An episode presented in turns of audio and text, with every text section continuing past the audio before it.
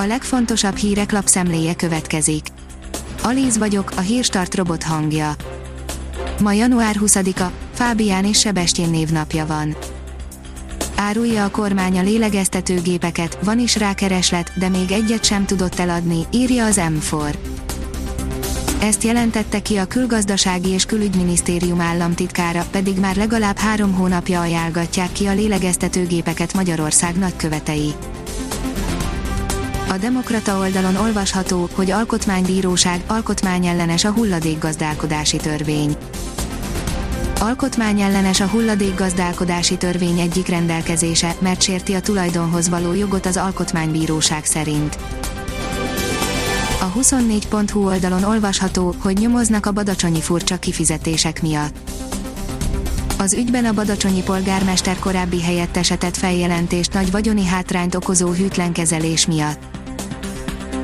A növekedés szerint Németország hadereje egy európai középhataloméval ér fel, de 60 atombombát tárolnak ott az amerikaiak.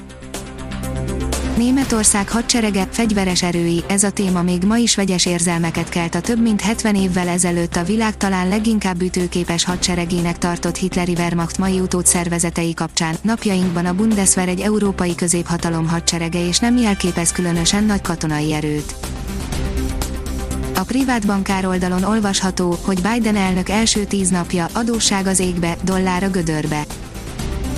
Roosevelt elnök 1934-ben de facto 70%-kal leértékelte a dollárt az aranyhoz képest, Biden nagyszabású stratégiája hasonlóképpen már rövid távon komoly dollárértékvesztéssel járhat, az új elnöknek gyorsan kell lépnie a társadalom pacifikálása érdekében, mert a republikánus szavazók körében óriási a feszültség. A 168 óra online szerint poloskákat találtak Boldog István egykori polgármesteri hivatalában. Virágné Lukács Gabriella, kétpó független polgármestere az RTL Klub házon kívül című műsorában elmondta, a polgármesteri irodában és a tárgyalóteremben is poloskákat találtak.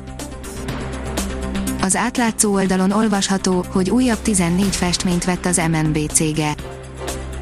Ezúttal Molnár Vera alkotásait vásárolta meg az MNB ingatlan Kft. közel 108 millió forintért a Vintás galériától.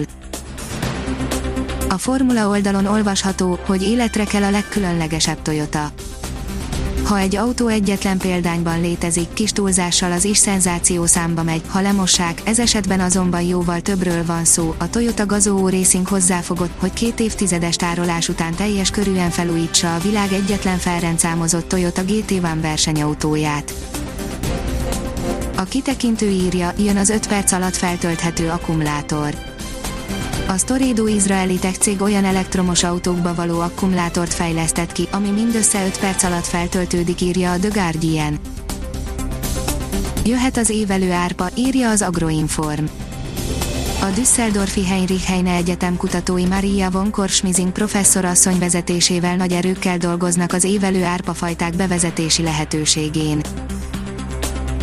A formula írja, mégsem cseréli le a Ferrari-t az egykori Sauber egyes spekulációk szerint az Alfa Romeo távozásával a svájci székhelyű, korábban Sauberként ismert F1-es alakulat 2022-től nevet és motorszállítót is váltott volna, ám a legfrissebb hírek ennek részben ellent mondanak. A kiderül szerint több napra búcsút intünk az éjszakai fagyoknak intenzív melegedés zajlik, a hét hátra lévő részében az ország legnagyobb részén éjszaka sem süllyed fagypont alá a hőmérséklet és a nappali órákban a megszokottnál akár 10 fokkal is melegebb lehet. A Hírstart friss lapszemléjét hallotta.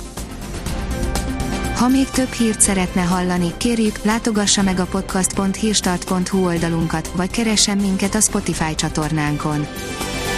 Az elhangzott hírek teljes terjedelemben elérhetőek weboldalunkon is.